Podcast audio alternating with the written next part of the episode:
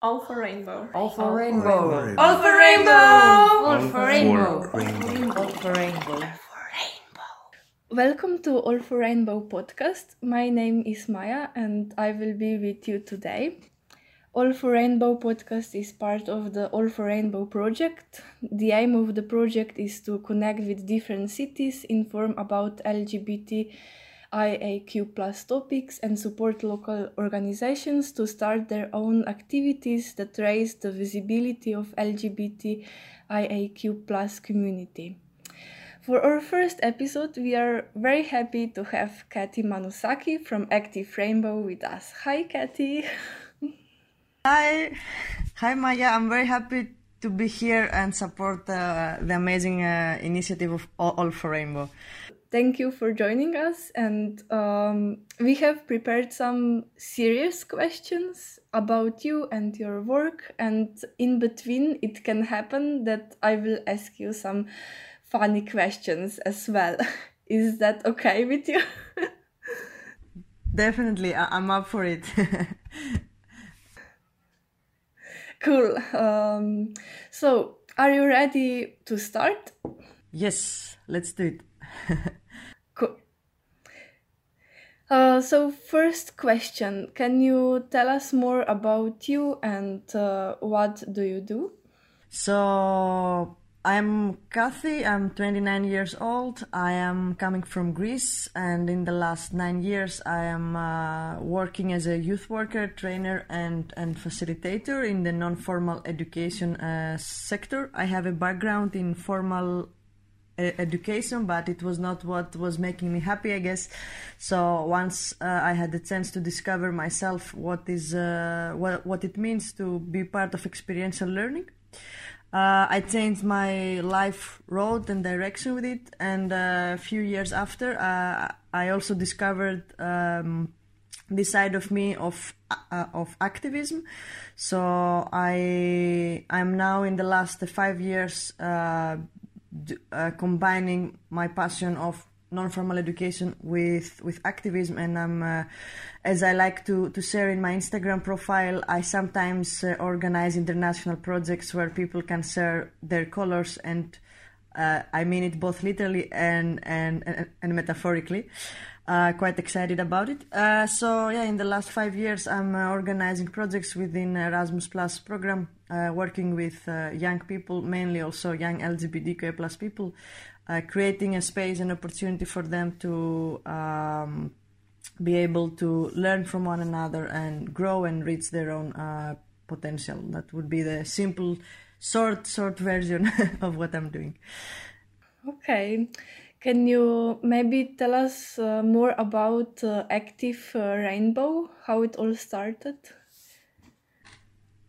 Uh, yes, uh, Active Rainbow actually is. I started as a personal statement in a moment of my life uh, where I felt uh, good about myself, where I felt I'm um, finally in a state where I love myself, which has been quite. Uh, a journey for me this self-love and, and self-acceptance understanding my own uh, identity both gender and both sexual identity but as as a whole because I see identity as a holistic um, as a holistic part of, of, of who I am, and uh, it first started uh, with me simply um, finding out that I am ready to uh, come out, but come out in the sense I'm ready to um, use, let's say, social media for a greater uh, purpose than just uh, posting uh, breakup songs or like uh, all kind of ra- all, kind of uh,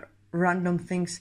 Uh, I was going through. Um, at, I was traveling for two months. I was surrounded by people that were inspiring me, that were empowering me, and I was making this state that I simply imagine this world full of colors, everybody having their own beauty uh, so and and being active in it so somehow different type of random elements uh, brought it up and yeah as i said i was using a lot of, of, of social media so i decided okay but uh, i'm now ready to start uh, putting my perspective about life, about identity, about who we are, about beauty uh, outside in the world, that love is love and all these things. So somehow this statement uh, came out of me, and then it grew gradually into a bigger life project that uh, uh, I start um, uh, considering different options of how this can be something bigger. And it all happened during my time. I was doing a, a volunteering service, this EVS program that is now called Solidarity Corps, European Solidarity Corps. And while being there, I had the chance to facilitate my, my first uh, program uh, which was youth exchange on LGBTQ plus spectrum. So all in all, pieces were coming to, uh, together, and I decided that yeah, I want to create Active Rainbow as a bigger platform. Uh, a visibility platform where uh, we can uh, share and spread more LGBTQ plus awareness um, and also within this this platform to uh, allow people like especially LGBT plus people and also uh, uh, allies, of course, to share their own uh, voices and have a safe space and a safe platform where they can um, uh, become more more visible. Also, another need for the platform to come to life was the apart from the random facts that came uh, as a first uh, um, inspiration point was the need that um, I was not seeing a lot of um, international projects or European projects where uh, young LGBT plus people would have the chance to uh, meet together and uh, do something uh, great together, learn with one another, and empower each other. I saw that missing and I didn't have this chance as as as a young person, uh, so I was like, okay, I think it's time that we can create. So this is a bit more or less like uh, the the story. Like it started from something very simple, and now it has become something uh, very much bigger already for for five years. Okay, nice. Um, um, what do you think? Um, you get uh, out of all these uh, projects uh, you do? Uh, for myself, you mean, or uh, in general, or?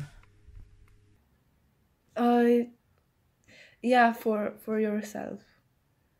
Uh, for myself, uh, first of all, an amazing network of people that, if they're now listening, like I'm so grateful to each one and every one of them because working with young people for me is like kind of like a big privilege that every day people are trusting uh, my experience and my passion and my knowledge and my skills to uh, learn from me. And at the same time i've learned the most from them. And at the same time doing this work being a youth worker and doing this type of projects uh, has uh, allowed me also the opportunity to grow in it and discover way more things about myself because uh, when I started doing this uh, plus related projects, which is also of course human rights education, what I'm actually uh, doing with it, um, it was not that I knew so many things about the LGBTQI plus spectrum because as I said, I didn't have myself chances of um, uh, being part of these projects before I started creating them and mainly what I knew was from from my experience. I also come from a very small uh, city in in a very small town actually in Greece, so I didn't have a lot of uh, references. But having these these projects, I and my let's say my experience first came that I I am first uh, uh, a youth worker. I'm first uh, a mentor and a coach, a person who knows how to work uh, with people. Uh, and then I, uh, I saw this that, okay, now I also want to work with, with a specific uh, target group, not only because it's personal for me, but I, I find that the, this is what it means. So um, uh, in all this, I've, I've grown as a, as a better person because I had the chance to meet all these uh, beautiful people and listen to their stories and create this space that they can share their their stories, I learned uh, more about uh, also identities that they're not so uh, visible outside. At least as I grew up in my country, mostly I would hear about people who are gay or people who are uh, identify as uh, lesbian. So more also uh, people being busy with sexual identity, but not also with gender. And now I, I can say I have many people that I know who are trans and they are part of, of, of my own uh, family and they're part of my, uh, and also non binary people uh, and unfortunately very few intersex people. And uh, I, I think the, the most what I keep is, is, is the people and um, what, what how they have inspired me more to continue doing also uh, this work. Okay. Um, next question is um, if you could choose, uh, which fruit would you like to be? Uh, apricot. It's my favorite fruit. Uh, I always loved apricots and fruits that they are uh, mostly coming out in the summer. Uh, so they're like not the whole year available, so I get to appreciate them even more. Uh, yeah. cool. um, and um, for the future, uh, what do you think uh, is your vision for Active Rainbow?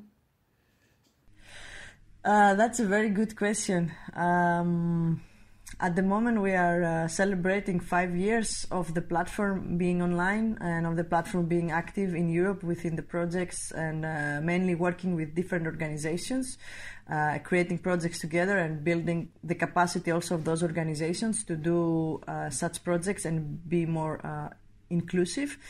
Uh, because, yeah, the platform doesn't have a legal identity yet. And now i'm actually in this phase where uh, really really making um, the let's say the final thoughts and final plans for actually making it into um, an organization.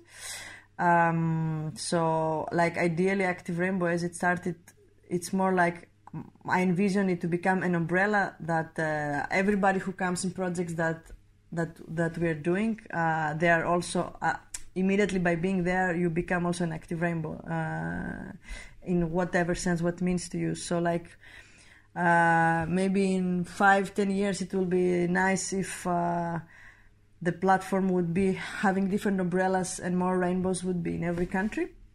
Uh, we are now thinking of it uh, uh, with with another friend. But for sure the first envision is that it still goes on and it still is a platform where people can send their material, they can use the platform, and we can spread uh, more uh, visibility, more uh, awareness, and more love, care, and uh, yeah, for sure, this part. Mm. Great. Okay. Um, who was your first uh, celebrity crush? Oh, uh, that's a hard. I have quite many celebrity crushes. Sorry.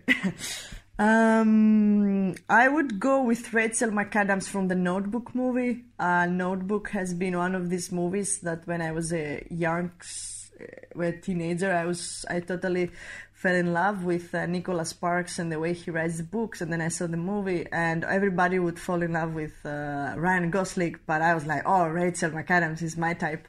Uh, so without question, she would be the, the first one. Like, uh, yeah. cool. Um, and um, what are you doing when nobody is watching you? Ooh, I like these questions. Um, what am I doing when nobody's watching me? Um, sometimes I dance. Uh, most of the times I'm laying in bed and watching TV series. Um, it's I, I really love movies. I think another career choice I'm considering is finally becoming a movie director. Instead, I pursued my other uh, dream and love for working with young people to direct projects. This is how I have my perspective. But yeah, I would say most of the times I'm just laying in bed and uh, having my celebrity crashes and uh, uh, celebrity pairs in the TV series or movies or something. okay. um, so I have uh, some more questions um, about um, if someone wants to uh, start uh, their own projects uh, with youth exchanges, um, what would you recommend uh, is the starting point? Mm, the starting point is uh, like for me everybody every person has a different process of writing a project i recall like to give a bit of background when i wrote my first project uh, it took me like two weeks to understand like where how what.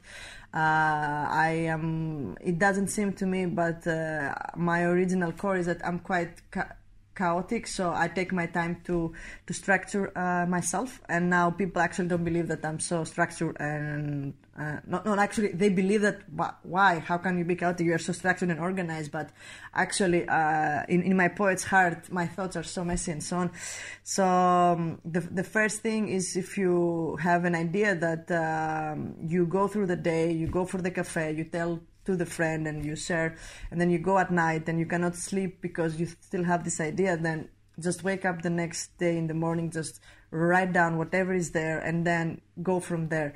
Uh, the first thing i would say is to to believe that your idea is valid which is actually valid. Everybody's idea is valid. And then the other part uh, especially when it comes to writing youth programs is start from zero start from scratch. Uh, what i've learned is that seeing how other people write projects and all kind like read other applications because when you write a youth exchange you need to go a youth exchange through the erasmus plus program there is an application that you need to follow with certain uh, questions that, that you need to convince these people that hey my project is valid we're going to change the world and, and society so here it goes. Um, so don't read what other people have written because from one side it will give inspiration, but from another side it will only open up the gates to uh, insecurities and oh how this wrote it and stuff. So just trust your uh, intuition and uh, start writing and start from your why, like why why this project, uh, why now, or what will be the benefit, and so on. And then the rest will come and follow because the structure of writing is actually very much uh, supportive. Uh, but the first things like yeah get your get your idea, believe in it, find one or two people who also share the same passion with it that they can get it, and then uh, go go on from there. Because you also need, at my perspective, you also need people by your side, um, even if they don't do anything to help you. At least they're there with their presence, and you have fun, and you talk about it, and so on and so on. Okay. Um, what was your last dream about? Oi, ah, uh, not sure I recall actually. My last dream, what was it about? Ah, uh, not sure actually. I have this thing I dream, and sometimes I dream quite a lot and intense. But however, in the morning, if I don't wake up and write it, or if I do something else immediately, then uh, I, I forget about it. Um, so I, I cannot really respond to that. I cannot really recall right now. Yeah. Okay. um, the last questions. Do you have anything to say to our listeners? Uh, of course, many things. As you have understood, I'm quite the talker. I think this might be another long podcast with me. Uh, I enjoy sharing my my thoughts. Um, uh, what what I would say is that um, um, some like I, I could say many things, but one thing that comes in mind is that, uh, however, uh, struggles you might have, or like uh, going through uh, maybe m- mental health issues or uh, depression or anything, because I've I've also gone through it, and I'm still going through also these things.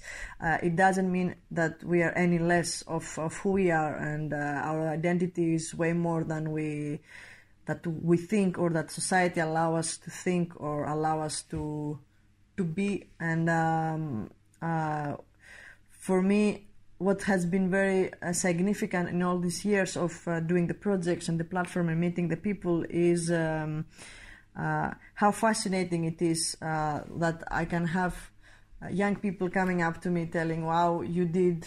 You did this project or you did this activity, and I feel this and I feel that. And for me, what many many people sometimes don't realize is that I actually did nothing and that the whole thing is themselves doing it and that for me is the most significant part. I was simply there to create a space. So i believe that each of us we can be uh, uh, an initiator for creating a space for other people to have also this chance to experience this feeling that uh, they can experience themselves and see new perspectives and and and, and new and new colors of of of themselves. Not sure if I make sense right now, but I think you you and the listeners get get get the picture, and for me that's very important. And also to build bridges and listen and uh, see beyond our own judgment. Like uh, if somebody is reacting in this way, if somebody is doing this and that that's something that might be hurting me. Like can i still see the need be like what is the need of this person's behavior? Because most of the times when people are most of the time i see that we are acting out of out of out of our fears out of our you know? And that's quite limiting. So like always always not not always but uh let's ah, i don't know how to to phrase this now but let's let's have our horizons widen and understand or see. Uh, and if the other person cannot be in our get in our shoes and, and understand or feel us, then it's for sure uh, the, their loss. It's not easy to do, of course. Uh, it's quite challenging in a way, but uh, it's very much uh, possible. Like this, I've been doing, and it has it has made me feel quite better also about uh, myself at the end of the day yeah, not sure my message was clear, but uh, as you can see, I get inspired and uh, then I start mumbling, but uh, it's a good mumble. That's okay. okay. Uh, thank you, Kathy, for being with us. Um, uh, and uh, thank you, lovely people, for listening. Uh, this was the first episode of All for Rainbow podcast, and we are looking forward to the next one. Until then, we wish you all the rainbows. Bye! Bye! All the rainbows! all for rainbow. All for rainbow. All for rainbow! All for rainbow. All for rainbow.